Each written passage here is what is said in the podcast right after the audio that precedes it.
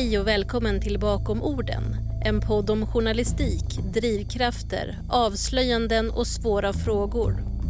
Jag heter Linnea Wannefors och i den här podden möter jag journalister.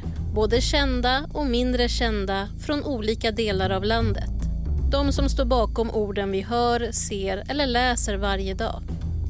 I det här avsnittet får ni höra journalisten Pia Bispo som har jobbat tio år på lokaltidningen Mitt i och bevakar stora och små frågor i tre områden söder om Stockholms stad. Vi pratar om de vita fläckarna i huvudstaden, de agendadrivna tipsen som kommer till redaktionen och om vad som faktiskt är journalistikens verkliga uppdrag. Här kommer min intervju med Pia Bispo. Så till vardags hittar man alltså dig på Mitt i-tidningarna i Stockholm. Vad är det för tidning? Eh, ja, lokaltidningen Mitt i är eh, den lokaltidning som finns i Stockholm. Vi bevakar nyhetsflödet, vi intervjuar eh, lokal, alltså alla människor som, som bor i Stockholm som har gjort no någonting som det är värt att eh, skriva om helt enkelt. Och du tillhör ett område som heter Vantör, Enskede och Årsta. Hur ser en vanlig dag ut för dig där då, på den redaktionen? När jag började jobba eh, så kollar jag nyhetsflödet i lokala Facebookgrupper. Jag besvarar mejl som läsare har skickat, nyhetstips. Det kan ju vara som dyker upp i lokala Facebookgrupper, på Messenger, på mejlen. Ibland ringer det läsare också, men inte lika vanligt. Eh, jag åker ut och gör intervjuer. Eh, jag skriver ut artiklar. Jag publicerar artiklar på webben. Eh, och så kollar jag postlistor som har kommit in till, som jag begär ut från kommunen och näm nämndhandlingar och försöker att liksom bevaka området även liksom politiskt. Men vad jag har förstått så har Mitt Is områdesredaktioner, i alla fall tidigare, varit ganska små. Hur ser det ut nu? Hur många är ni på din redaktion? Eh, på Mitt I så är vi, är vi 50 anställda på redaktionen. Vi är ju en reporter per tidning Alltså vi har ju 31 tidningar drygt. Eh, vi bevakar ju nästan hela Stockholm, nästan alla kommuner och så gör vi en tidning per stadsdel i Stockholms stad.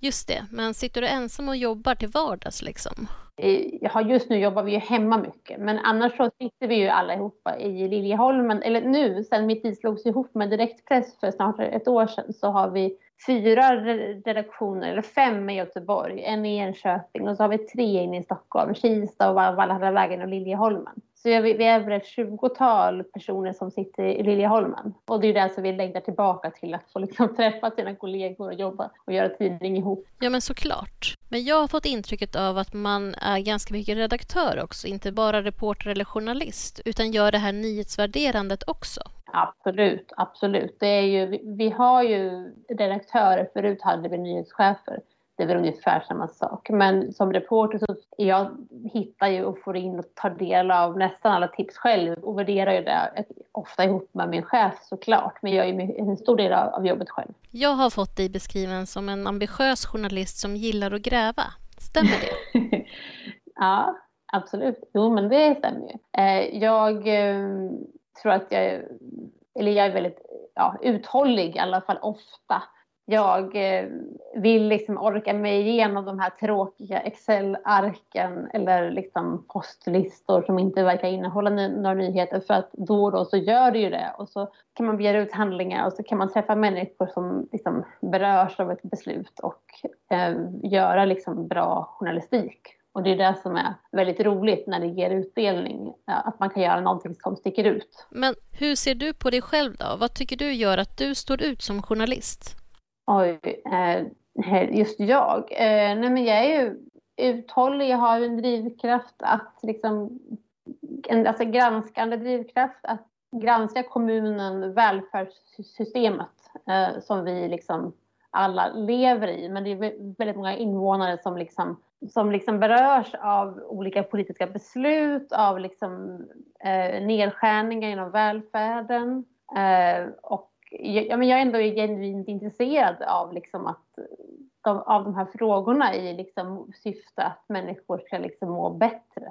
Att barn ska liksom inte berörs av att en, man skär ner på en skola. Eller ja, att, att vi liksom ändå granskar så att liksom beslut går rätt till och ja, helt enkelt människors vardag. Jag vet också att du älskar att gå igenom postlistor och hitta de här nyheterna bakom maskandet eller i mängden liksom. Framförallt när det handlar om det här som du var inne på, det ohållbara i människors vardag. Men vad är det som liksom lockar där? Eh, men, nej men jag, alltså jag är ju intresserad av liksom att bevaka liksom välfärdsfrågor av skolor, att, att granska kommunen, socialtjänsten vore liksom kul att liksom förstå sig på. Eh, av liksom arbetsmiljöfrågor. Att, alltså, det som lockar är liksom att, att skriva om de problem som finns i samhället i syfte att eh, människor ska få en bättre vardag. Många människor kan ju liksom inte säga ifrån själva och vi kan ju liksom lyfta de problem som folk har för att skapa en, en förbättring.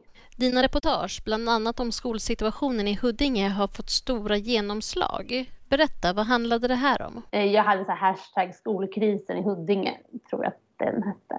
Eh, och skrev om besparingar inom förskolan och inom grundskolan. Och sen så, de, de tog upp frågan på kommunfullmäktige faktiskt eh, och hade liksom bara mina artiklar som underlag. Och då kände man ändå att jag har ändå påverkat eller varit med liksom att lyfta upp eh, de här frågorna på dagordningen i en stor kommun som, som Huddinge. Och det känns ju ändå väldigt liksom bra att få vara liksom en del av samhället här. Men hur viktiga är stora genomslag för dig som journalist? Ja, men då och då så vill man ju liksom känna att man får liksom utdelning för att vi har ju ändå ganska så här tajta arbetsvillkor. Vi gör ju man gör, vi gör ju ganska många artiklar som alltså, känslan liksom att man fyller tidningen, att man jobbar bara en vecka framåt, att man inte hinner kanske göra så mycket fördjupande journalistik som man skulle vilja och då och då göra någonting större som man känner liksom att läsarna verkligen vill läsa, som de blir liksom väldigt nöjda med, där man känner att man verkligen får respons och, och liksom, de som man har intervjuat verkligen liksom känner att man har hjälpt dem. Det är viktigt för att liksom orka med vardagen som ofta är ganska tajt eh, med att, att producera nyheter. Mm, det är också en vardag jag känner igen. Men det här med konsekvenser eller få respons eller förändring och påverka, är det grunden i din journalistik eller hur viktigt är det? Jo, men det är ju viktigt såklart. Det är det som är drivkraften och så som gör att man liksom orkar liksom med vardagen och som ändå är ganska tajt för en lokal tidningsjournalist. Alltså vi har ju ganska många arbetsuppgifter. Det är väldigt roligt. Vi träffar ju väldigt många invånare och många artiklar som jag gör är väldigt roliga att göra med ett ganska högt tempo och att då och då känna liksom att vår journalistik har betydelse och att eh, människor liksom berör sig av den och att man i bästa fall kan liksom vara med och påverka samhället liksom i, en, i en positiv riktning. Det är ju, är, ju, är jätteviktigt. Vad är bäst med ditt jobb? Det är väl att eh, vi får träffa människor som vi aldrig skulle ha träffat annars. Alltså, Uh, ja, men jag kommer ihåg att på gymnasiet så fick jag, jag var ungdomsreporter i Örebro på Nix Hallanda, så fick jag följa med på något dansbandsvecka. Och jag kommer ihåg att det där ändå, jag hatar att dansa och framförallt dansband. Men jag kommer ihåg att jag ändå så kände så här, aha, det är det här som är att, man, var vara journalist. Att man får så här, träffa massa människor som är duktiga på väldigt olika saker. Och man får själv testa på att göra, alltså ja, dansa då eller vad det handlar om. Och man får ju liksom upptäcka världen. Eh, och det, det, det är det som är så himla kul. Vad är sämst då? Det sämsta är väl att vi är så himla få journalister i, i Stockholm eh, som bevakar liksom hela Stockholm. Alltså jag är en reporter på säkert 100 000 invånare eller vad som nu kan, kan bo i min stadsdel. Att det som sämsta är väl att vi får tacka nej till väldigt många nyhetstips och göra läsarna liksom besvikna.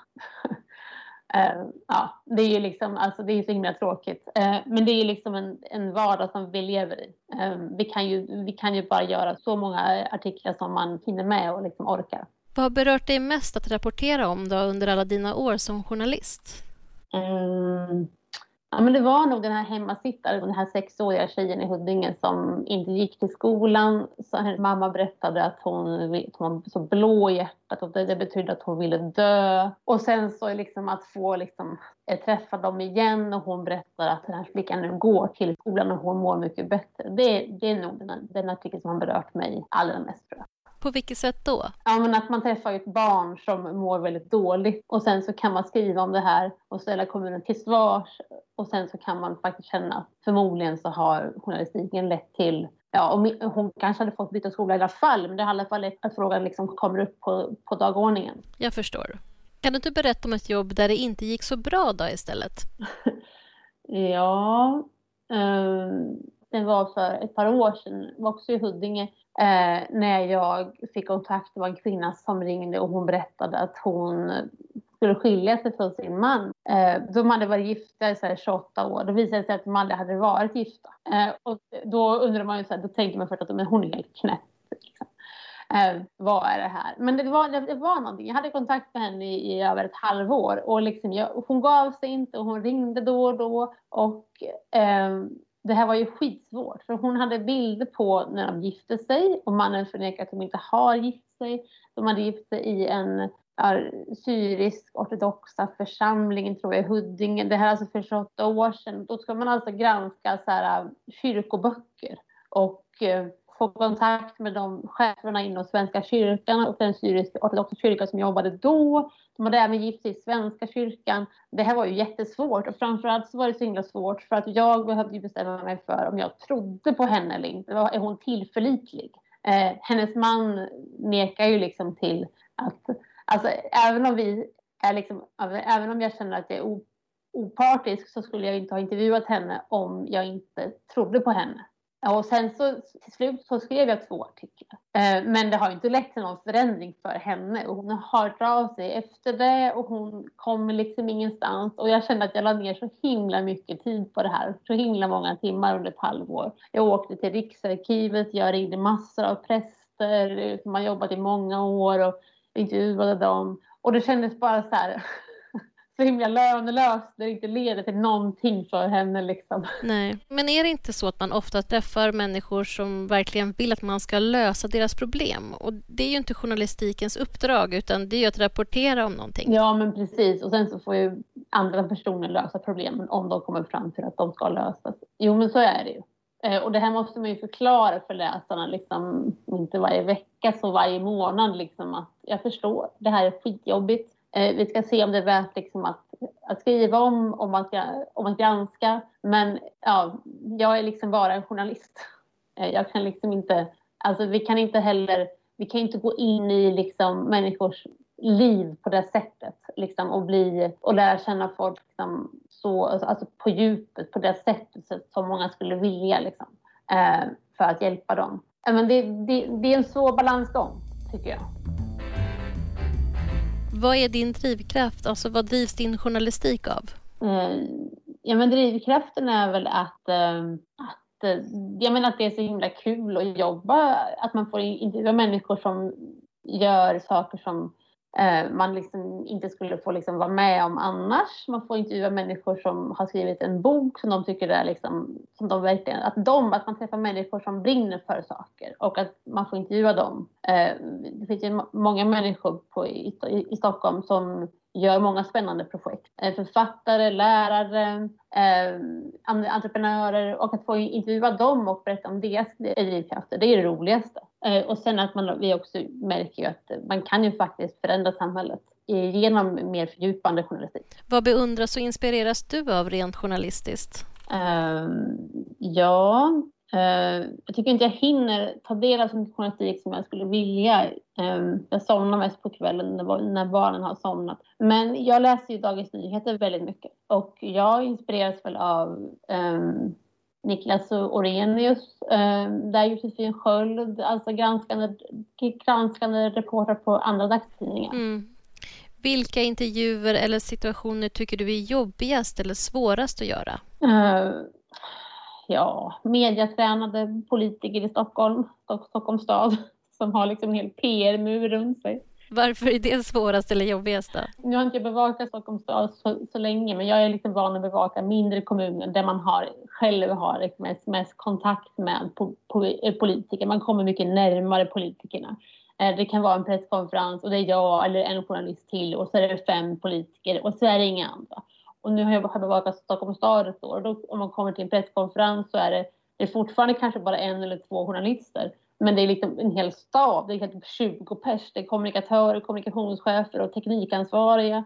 Liksom, och det är fikabord och, och någonstans där är det den där politikern som jag ska intervjua och då står han och håller ett tal med mikrofon och det kanske bara är jag där som är journalist. Och då undrar man så här, men varför detta pådrag? Alltså jag, alltså det, det, det, det är klart att vi träffar eh, politiker själva liksom också. Men det är oftast med, liksom, det är oftast en, en kommunikationsperson, liksom en PR-chef i, liksom, med en presskontakt. Um, och så det, det, blir väldigt svårt liksom, att komma in på djupet då kan, kan jag känna och lära känna politikerna mer. Liksom.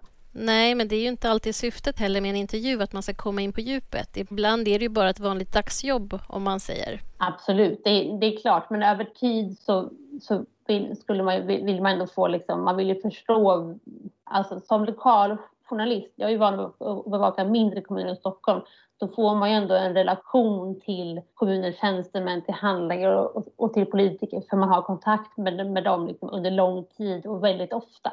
Och det, det kanske är skillnaden mellan lokal journalistik och bevaka mindre kommuner, eller att bevaka större kommuner. Liksom.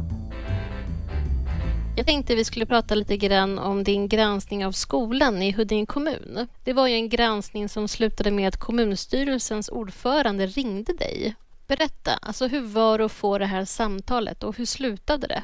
Jo, men jag, hade, jag fick ju väldigt många tips från föräldrar och eh, anställda inom skolan och inom förskolan eh, som, som, som vittnade om besparingar och nedskärningar, att de inte hann med sitt jobb, de hann inte se barnen. Och då började jag med en artikelserie som med hashtag skolkris Huddinge. Och jag tyckte jag hade väldigt mycket på fötterna. Jag gjorde liksom helt vanliga artiklar men väldigt många artiklar. Eh, vi skrev om barn som rymde från olika förskolor och det ena med det andra. Eh, och då när jag bevakade Huddinge så hade jag ganska, jag tyckte att jag hade ganska liksom bra kontakt med ett par eh, politiker sådär liksom att man brukade smsa liksom och, och, och bestämma i intervjuer själv och man, jag, jag, jag ringde dem väldigt ofta. Eh, men kommunstyrelsens ordförande hade jag inte den där liksom lika personlig kontakt med. Jag liksom var inte alls så, så tjenis med honom och jag, jag visst jag intervjuade honom då och då men jag hade liksom ingen direkt relation till honom kände jag.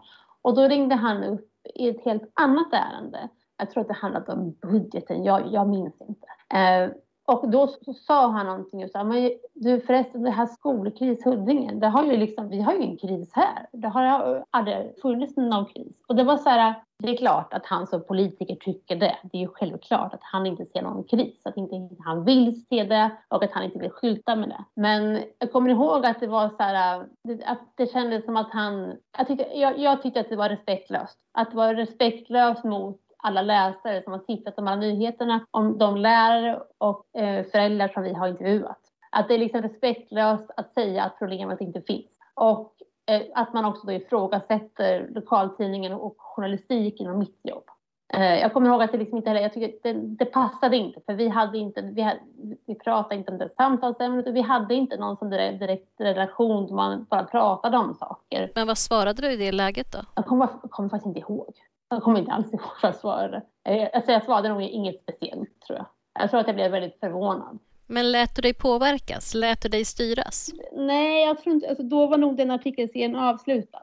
Eh, så var det. Men det var ju en annan grej. När jag gjorde artikeln så satt jag och pratade med eh, en politiker eh, som var ordförande för om det var utbildningsnämnden eller en av, skol, en av skolnämnderna i alla fall.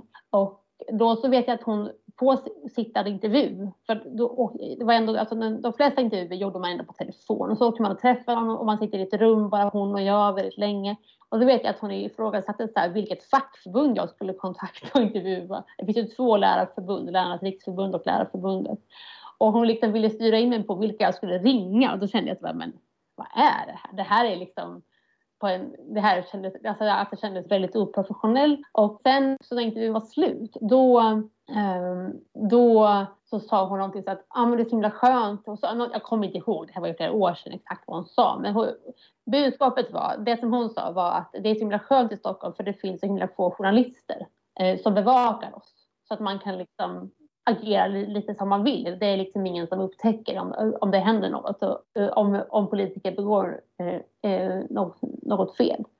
Och det där var så liksom, hon bara sa Ja, vad tänkte du när du, fick, när du hörde henne säga det? Eh, ja, men det är så djupt odemokratiskt och det är också väldigt respektlöst mot alla invånare och skattebetalare som har valt henne.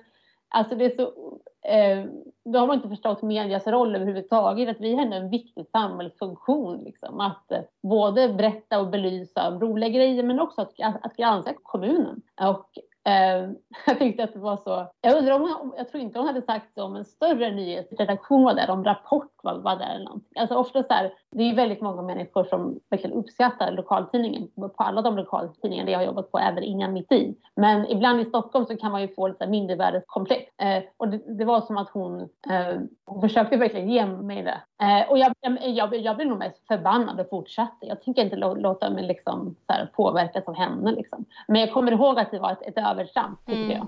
Men båda de här situationerna handlar ju lite grann om att bli en obekväm journalist. Ja. Alltså utifrån deras perspektiv sett. Som kanske gräver och skaver lite. Mm. Är det obekvämt för dig att vara den här obekväma journalisten? Nej, jag har inget, inget problem med att liksom vara obekväm. Men jag vill ju ändå ha, alltså det ska gå rätt till. Man ska ju ha en professionell, en trevlig kontakt. Man, alltså, man ska ju liksom ha, alltså det, det ska ändå kännas bra. Ja, att vara professionell liksom. Ja, precis. Mm. Sen kan man ju tycka olika och eh, men jag har inget, inget eh, problem med det så länge som liksom man, man, man, känner att de som man intervjuar liksom kan hantera eh, journalister. Mm, jag förstår. Du, vad vill du att folk ska tänka eller känna när de läser dina texter? Oj, eh, det har jag nog aldrig tänkt på. Eh, Men tänker du på språket någonting eller handlar det mer om att få ner historien? Alltså har den ett speciellt språk eller har du ett speciellt språk? Uh, jag, hade, jag vet faktiskt inte. Jag hade nog jag tänkte nog mycket mer på hur jag skrev. Det var väl grunden till att jag blev skrivande journalist. Att, att jag gillade att skriva när jag var ung.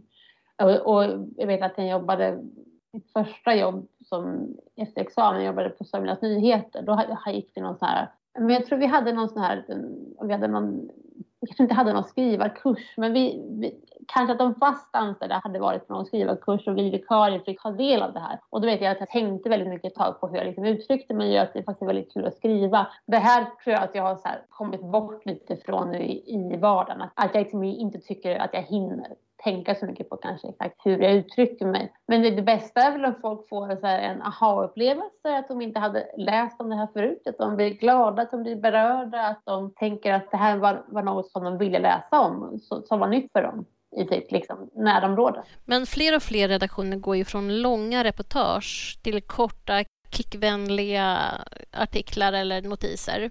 Vad tänker du om det? Ja, det har ju vi också gjort. Eh, framförallt för ett par år sedan när vi på mitt i hade liksom väldigt starkt eh, webb, eh, webbfokus. Och nu har vi ju inte ett lika starkt webbfokus men eh, vi liksom... Alltså det, det, är klart att man vill att ens artiklar ska bli lästa och klickade på. Men det är ju såklart innehållet som är det viktiga. Alltså det är en, en bra artikel med ett bra innehåll läser ju folk. Jag gör ju hellre liksom en bra artikel där jag hinner ringa flera källor och hinner liksom dubbelkolla faktan än två liksom halvdana som man snabbt får ut bara för att liksom man har en häftig rubrik och eh, någon kommer klicka på rubriken. Att det blir så här själslöst och innehållslöst. Ja, eller att man måste få lite rullians på sidan eller eh, man får ut någonting nytt som det så fint heter. Ja, Ja, och så hade vi en period för några år sedan och eh, var väl inte jag något större fan av kanske. Nu jobbar vi mycket mer liksom, att varje artikel är liksom viktig, att innehållet är viktigt, att det känns liksom viktigt att få tag på rätt person som man vill intervjua, liksom, att man liksom tar, tar sig tiden. Att, att liksom läsa på och hitta fakta, att man liksom Ja, för det är det som jag är intresserad av, att göra det djupgående journalistik. Um, så det, jag skulle kanske inte vilja jobba så där liksom jättemycket webbhets liksom, igen. Du är ju ursprungligen från Örebro. Hur kom journalistiken in i ditt liv? Ja, Nerikes Allehanda hade en ungdomsredaktion som jag sökte till helt enkelt. Jag gick någon skrivarkurs på högstadiet, vet jag, nian och så kände väl jag att det här var väldigt roligt. Så sökte jag in till Allehandas ungdomsredaktion och eh, så var det klart. Men vad innebär att vara en ungdomsreporter då? Eh, ja, det här var ju på den tiden när Allehanda gick bra. Det var ju innan papperstidningskrisen. Eh, det var ganska många ungdomsreportrar, om det var mellan fem och tio stycken i, i en, en redaktion varje år. Så jag tror inte alls att det här finns kvar. Men vi fick skriva lite om vad vi ville som intresserade ungdomar. Vi klädde ut oss till, till Robinson, när Expedition Robinson började, och så var vi varsin figur. Och sen så kunde vi göra så här mera eh, seriös journalistik också. Vi, eh, vi testade glassar, kommer jag ihåg. Nej, men vi, eh, en gång vet jag att jag ringde till en nattklubb faktiskt. Första så här, nyhetsartikeln som vi gjorde. Jag ringde till en nattklubb som störde grannar eh, som inte kunde sova. Och jag kommer ihåg att jag kände att ja, men det här var kul. Det här vill jag göra. Att liksom, att det ändå kändes så viktigt liksom att stå upp för folk. Alltså det var ju bara en liten fråga, men det var ändå så här, jag ändå sögs in i det. Men du har ju ändå hunnit med en massa andra grejer innan du blev journalist. Vårbiträde, truckförare, volontär åt funktionsnedsatta idrottare på Special Olympics på Irland, tennistränare. Alltså varför den här mångsidigheten då? Jag tycker att det är viktigt att man har liksom sett en del av samhället som reporter. Alltså man, man skriver ju om människor som har alla möjliga yrken och som gör olika saker och då tycker jag liksom att eller det är ju lättare att eh, skriva om sånt som man själv har upplevt. Jag kommer ihåg att när jag jobbade på hemtjänsten så var det, det var ju jätteslitigt. Jag jobbade där dels innan jag åkte ut och reste när jag var så 25 eller någonting för att bara tjäna pengar. Eh, men jag jobbade också där i några månader efter att jag tog examen från JMK innan jag fick mitt första eh, journalistjobb.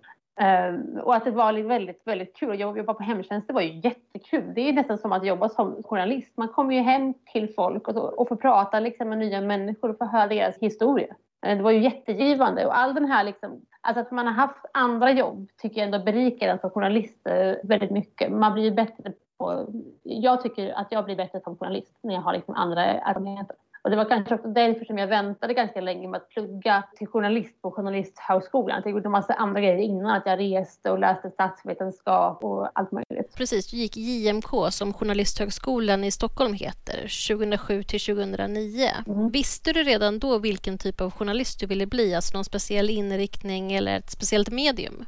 Ja, alltså det här var ju ändå eh, fem fem, tio år efter att jag hade liksom börjat på Nexalanda långt innan det eh, och hade frilansat för dem också. Så här, eh, först ville jag nog bli resejournalist och skriva för något resemagasin när jag var backpacker så allting förändras ju också med liksom, livet och vilka intressen som man har. Jag, jag var väldigt sportintresserad på gymnasiet, så ville jag bli sportreporter. Det har jag liksom inte alls blivit.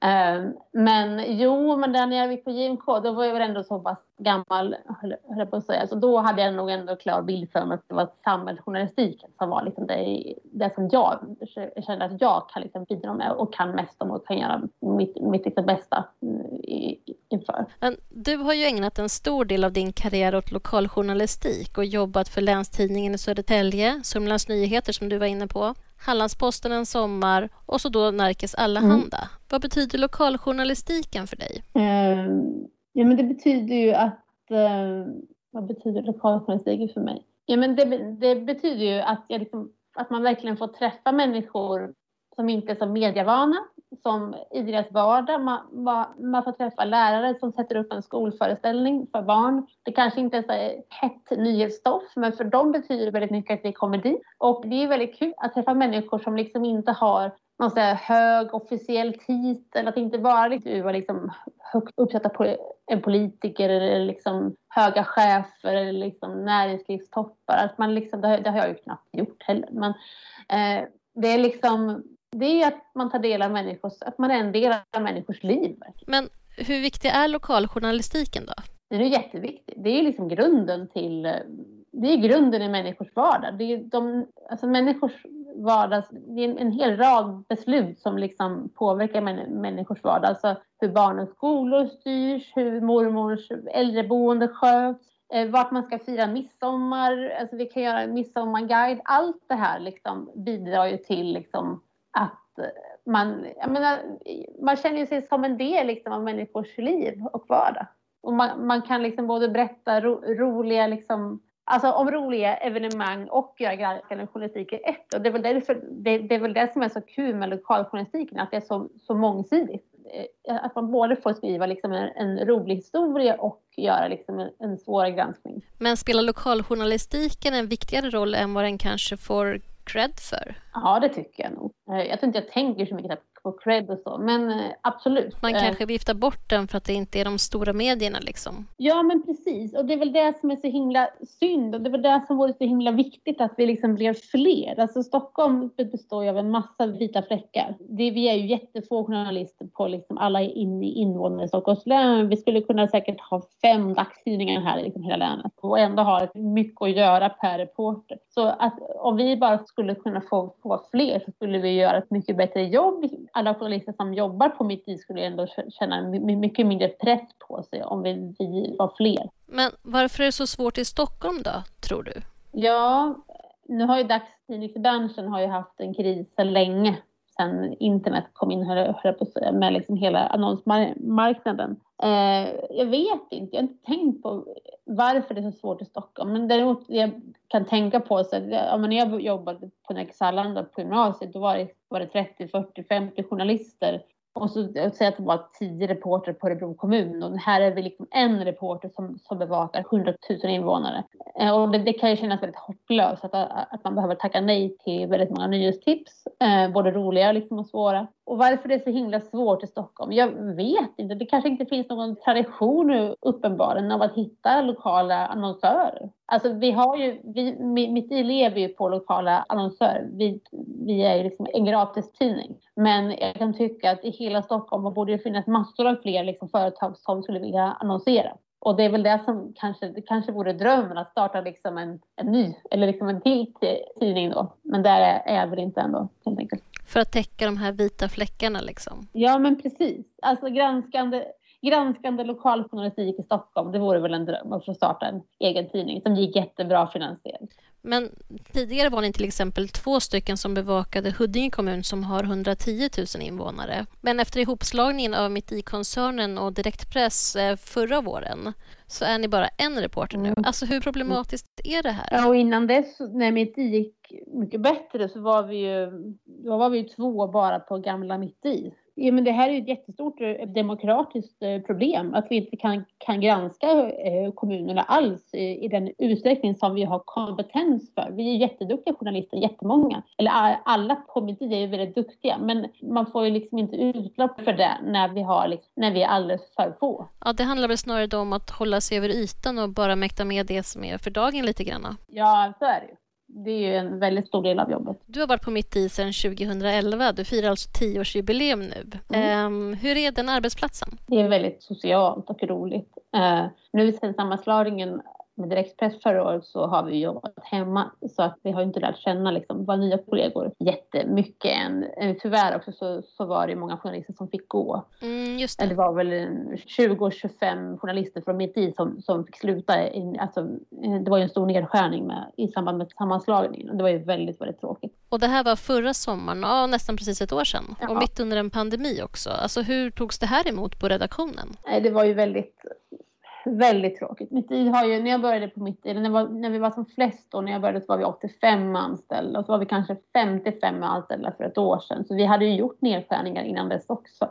Vi har ju haft liksom speciella sportreporter, vi har haft kulturreporter, det har vi inte haft de senaste åren, men så vi har redan gjort nedskärningar och så blev det liksom ännu en nedskärning när vi, vi blev uppköpta av, av direktpress. Och eh, nu får man ju hoppas att den här sammanslagningen också gör att det kanske går bättre då att vara en tidning istället för två. Men jag kan ändå tycka att det är konstigt att det är så himla svårt i Stockholm, att hela Stockholms län, att det inte finns annonsörer än liksom ett, eller ett finansiellt system för att ha fler dagstidningar. Att det ska vara så himla svårt. Men är fler annonsörer, är det liksom lösningen på ekvationen? Jag vet, alltså jag är inte säljare, jag, har inte, jag är inte så insatt. Uh, fler, fler annonsörer eller mera, att man tar mer betalt av varje annonsör antar jag. Mm. Alltså att man driver upp annonspriserna. Och det kanske vi, vi kan göra nu när vi är en tidning istället för två. Mm. Men det som var, alltså tillbaka till sammanslagningen, det var ju väldigt tråkigt att förlora väldigt många kollegor. Det var ju hur det togs emot hela sammanslagningen under pandemin. Ja, men det blir ju ännu svårare att liksom så här, förstå vad som händer när, folk, när man jobbar hemma eller det, och det är semestertider och folk får besked om att de blir uppsagda liksom, i semestertider. Det är liksom traumatiskt på ett sätt. Liksom. Eh, och det var ju jättejobbigt. Jag jobbar också fackligt så att um, det var ju väldigt jobbigt väldigt, och väldigt tråkigt att förlora så många bra kollegor och liksom enastående journalister. Mm. Väldigt tråkigt. Mm, precis som du var inne på, du engagerade dig fackligt 2012 om jag läste rätt. Hur, hur kommer det sig att du engagerade dig så? Eh, ja, eh, jag har väl liksom alltid känt så att ska man, vill man att det ska ske en förändring då får man väl själv liksom ta tag i det. Kan man inte bara tänka att andra ska liksom göra jobbet åt en. Alltså jag var ju med i elevrådet på gymnasiet. Jag har väl alltid känt att det är väldigt kul att vara liksom delaktig i beslut som fattas och att få vara liksom med och forma den miljön som man är i, den arbetsplatsen som man jobbar på att det är väldigt givande att få liksom vara med. Att istället för att jag bara skulle vara reporter och liksom bara jobba på min tidning ganska mycket själv. Så när man jobbar så fackligt nu så får man ändå vara en del av ett större sammanhang. Och eh, ja, liksom vara med och driva liksom, utvecklingen eh, i bästa fall. Och det är ju väldigt kul. Men samtidigt har utvecklingen i journalistbranschen inte gått spikrakt uppåt direkt. Det är ont om fasta jobb och längre kontrakt. Vad säger du om hur branschen ser ut idag? Ja, men jag kan ju mest om dagstidningsbranschen och lokaltidningsbranschen eh, i Stockholm. Då. Eh, men vi är ju allt färre journalister. Eh, Eh, vi har allt mer liksom att göra. Vi har väldigt många arbetsuppgifter var. Det är en hög arbetsbelastning på många mediehus. Det är ju liksom en tuff vardag. Men det är också väldigt roligt. Det är liksom, om man har jobbat fackligt och så, gör man, och så är det väldigt jobbigt med någonting förhandlingar eller uppsägningar är det värsta eh, då, som det var förra året. Men så när man då kommer ut igen på fältet som reporter och får intervjua en författare som har skrivit en bok och som är jätteglad. Då känner jag att men gud, det är det här som är grunden. Det är därför jag är kvar. För det är så himla kul att vara reporter och vara ute på fältet. Och att branschen ser ut som den gör då, där till exempel fasta jobb och längre kontrakt lyser med sin frånvaro. Varför är det här ett problem då? Men dels är det ett problem för de som jobbar att arbetsmiljön riskerar att bli sämre. Alltså med sämre arbetsvillkor så, så riskerar folk att liksom bli stressade, utbrända. Tyvärr så sjukskriver sig folk liksom för stress. Det är ju ett, ett problem. det andra problemet är väl att ja, men vi, vi liksom inte kan göra den, vi inte kan göra den journalistik som ju vi skulle kunna göra. Mm. Vi skulle kunna bevaka samhället mycket, mycket, mycket mer om vi hade bättre arbetsvillkor och om vi var många fler. Det låter som att det har blivit en nedåtgående spiral när det egentligen skulle kunna vara och skulle behöva vara en uppåtgående spiral. Ja, men precis. Det finns ju väldigt många så kommunikatörer på alla kommuner. Man kan ju få känslan av att det går hundra kommunikatörer på en journalist i Stockholm. Vi skulle verkligen behöva vara fler. Ehm, jag har ingen lösning på det just nu. Nej, och många av kommunikatörerna är väl också gamla journalister ofta? Ja, men precis. För det är bättre arbetsvillkor och att det överhuvudtaget finns liksom jobb. Du bevakar ju kommuner i Stockholmsområdet och har bland annat rapporterat om tystnadskultur vad jag förstår i skolan och förskolan. Mm. Alltså hur är det dagliga arbetet som lokalt granskande och rapporterande journalist? Ja, men det är väldigt svårt att få anställda att uttala sig. Eh, väldigt många anställda är ju väldigt rädda om sitt jobb. Eh, och är väldigt rädda för att det ska komma ut.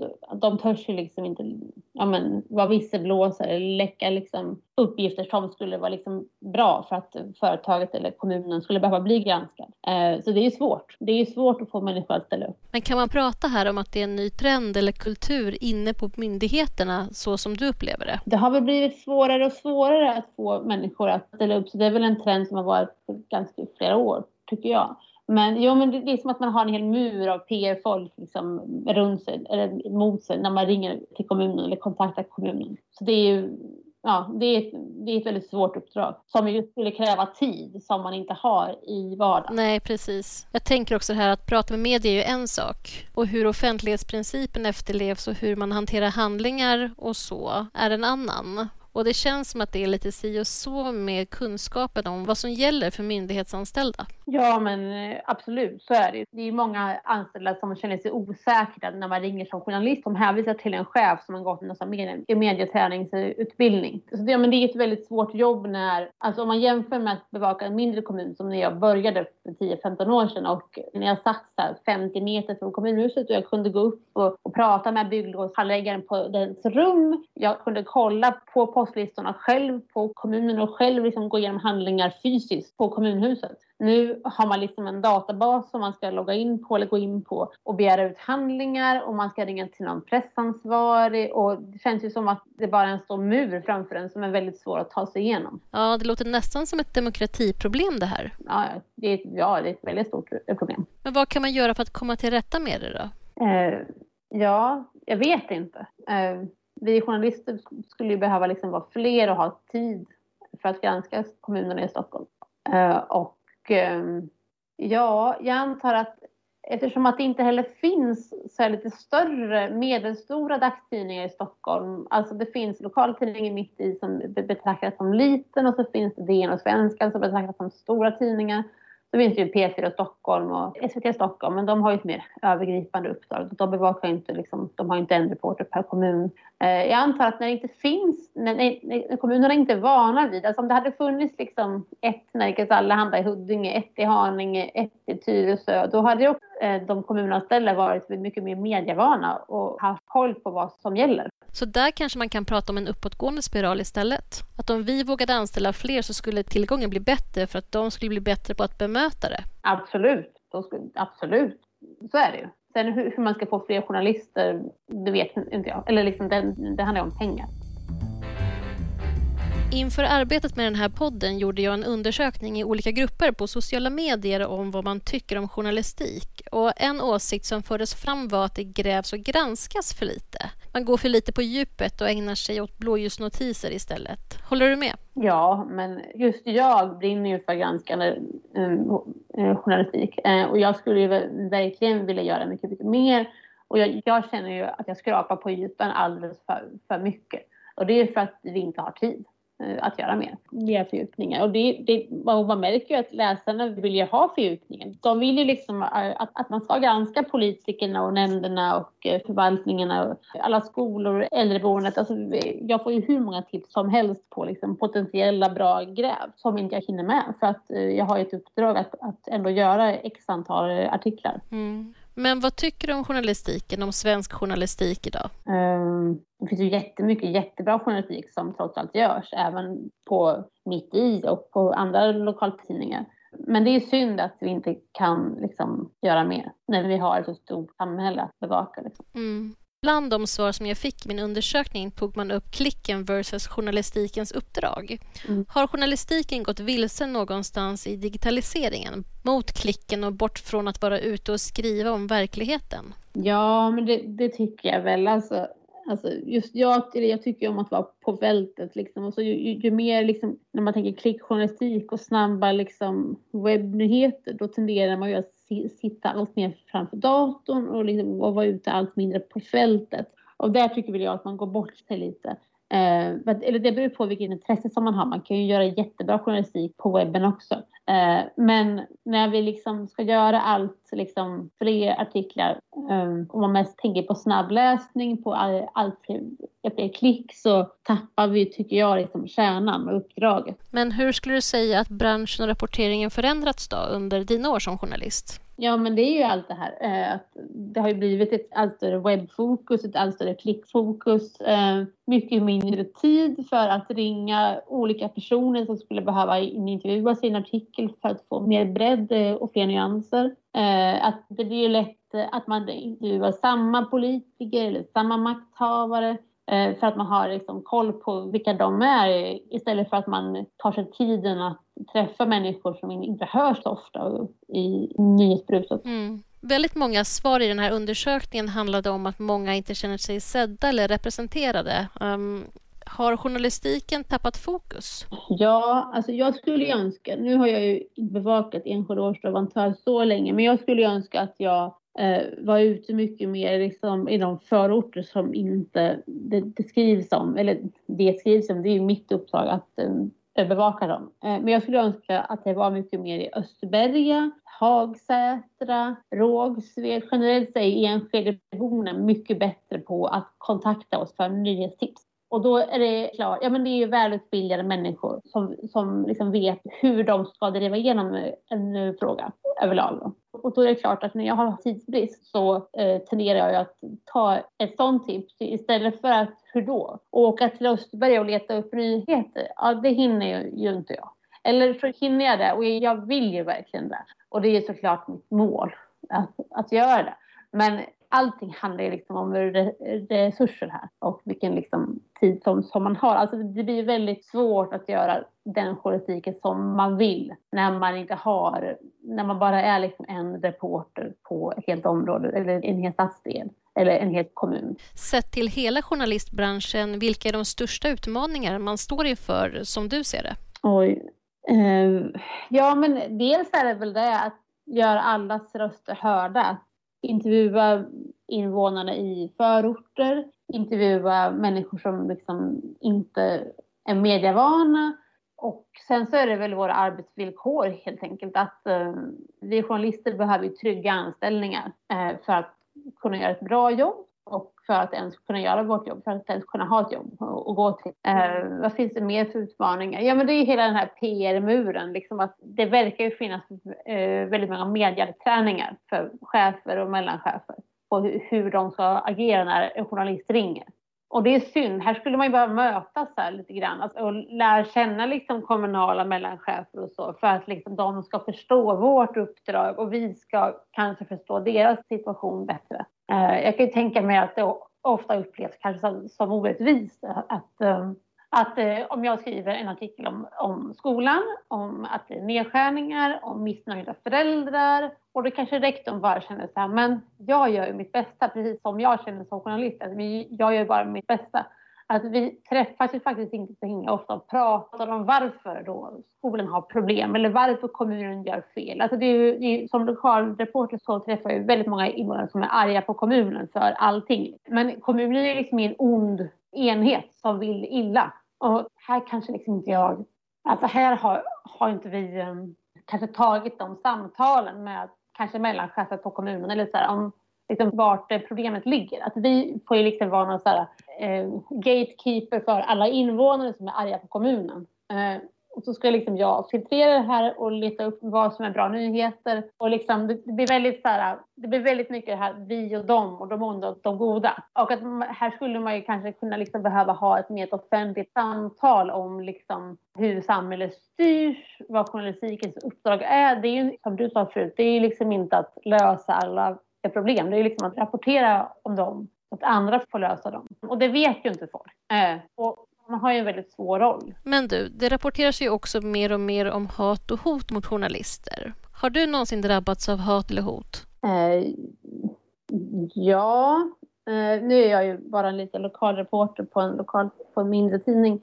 Eh, jo, Fast de kan väl bli utsatta om något, tänker jag, eftersom att ni befinner er så nära det som händer? Jo, ja, Eh, det man utsätts mest av är väl liksom irritation då, att, att eh, vi inte gör vårt jobb, att vi bara skriver om så ytliga blåljusnyheter och att vi borde liksom Alltså att vi borde bevaka en fråga mycket djupare. Alltså eh, framförallt folks irritation. Mm. Men mer så här, jo jag tror att en gång när jag jobbade i Vallentuna så skrev jag någonting om, det var någon som hade någon god man, det var någon kvinna som var i något utsatt läge och jag kommer ihåg att hon sa något hotfullt eller skrev något hotfullt. Jag tror inte vi polisanmälde det. Men jag kommer inte ihåg det liksom, att det var liksom ändå läskigt och sådär. Men hur kommer det sig att du inte polisanmälde det då? Jag kommer inte ihåg, jag var nog ganska nyanställd. Ehm, jag kanske inte heller, alltså jag, jag trodde väl inte att hon menade allvar. Alltså nu idag så hade jag ju gjort, eh, absolut. Vad tänker du om att journalister drabbas av hat och hot? Ja, vi har ju liksom redan ett ansträngt läge. Det är redan få journalister, det är tuffa arbetsvillkor eh, och det blir ju inte bättre om det skräms till tystnad när vi redan liksom har liksom ett väldigt svårt uppdrag att granska ändå makten. Eh, så det är väldigt sorgligt helt enkelt. Mm. Um, många som svarade på den här undersökningen, men det får jag också som respons när jag har dialog med tittare, lyssnare och läsare, uh, anser att journalistiken är agendadriven. Vad säger du om det? Ja, här skulle, alltså jag skulle så vilja... Det är också det här att man skulle behöva ha, kanske ha ett offentligt samtal. Så här, lokaljournalisten möter invånarna för att prata om vad journalistik är. Och, uh, för ja, sådana synpunkter kan vi få, inte så jätte jätteofta.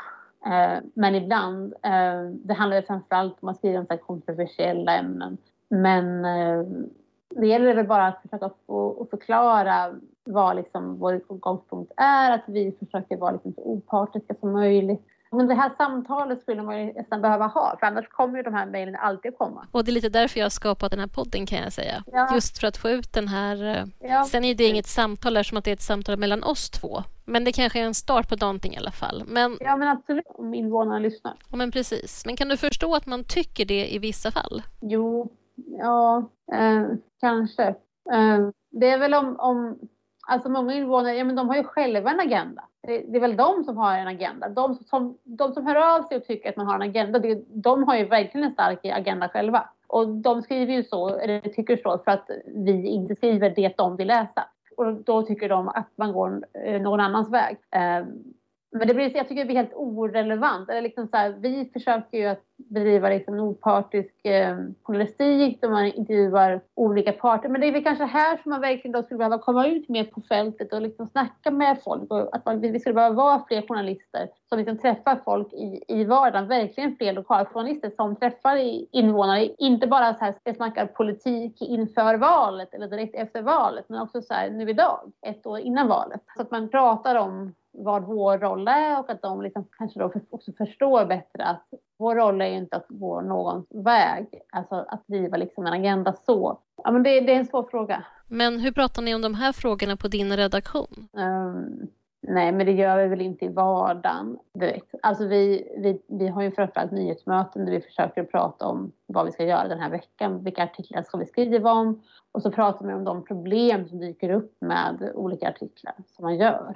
Eh, sådana här större diskussioner har vi inte så ofta. Men borde man inte försöka skapa utrymme för det då? Jo, absolut. Självklart. Alltså, jag svarar inte på hur jag tycker att det borde vara i Sverige. Nej, jag förstår det. Eh, absolut. Eh, framförallt så, så kan man ju märka att det finns en stor skillnad på nyexade journalister som går ut nu och som jag gick ut för tio år sedan. Alltså det, det är klart liksom att jag märker att det finns ju, alltså att man har ju, man ser på journalistik på olika sätt beroende på om man har jobbat 0, 10 eller 15 eller 20 år eller 30 år. Vad borde journalister bli bättre på?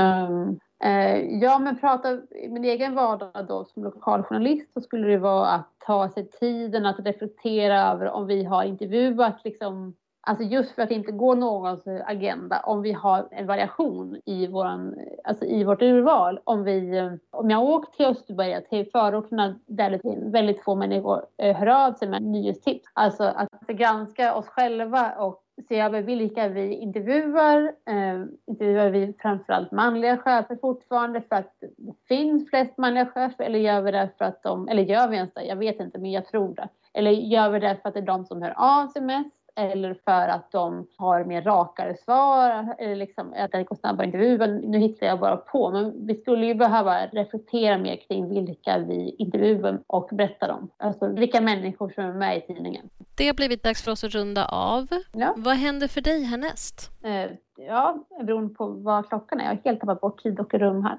Eh, jag ska, jag ska dela ett par artiklar eh, i några lokala Facebookgrupper som jag har gjort inför helgen. Det är väl det som jag har att göra idag. Eh, och sen så ska jag väl skriva om eh, en, eh, en busshållplats i Bandhagen som har tagits bort och som skapar stor irritation. Eh, och allt jobb runt det helt enkelt. Det är väl härnäst min agenda. Du har precis hört ett avsnitt av podden Bakom orden Både mig och podden hittar du på sociala medier, bland annat under hashtaggen bakom orden. Lämna gärna en kommentar eller ett önskemål om en framtida gäst. Vi hörs!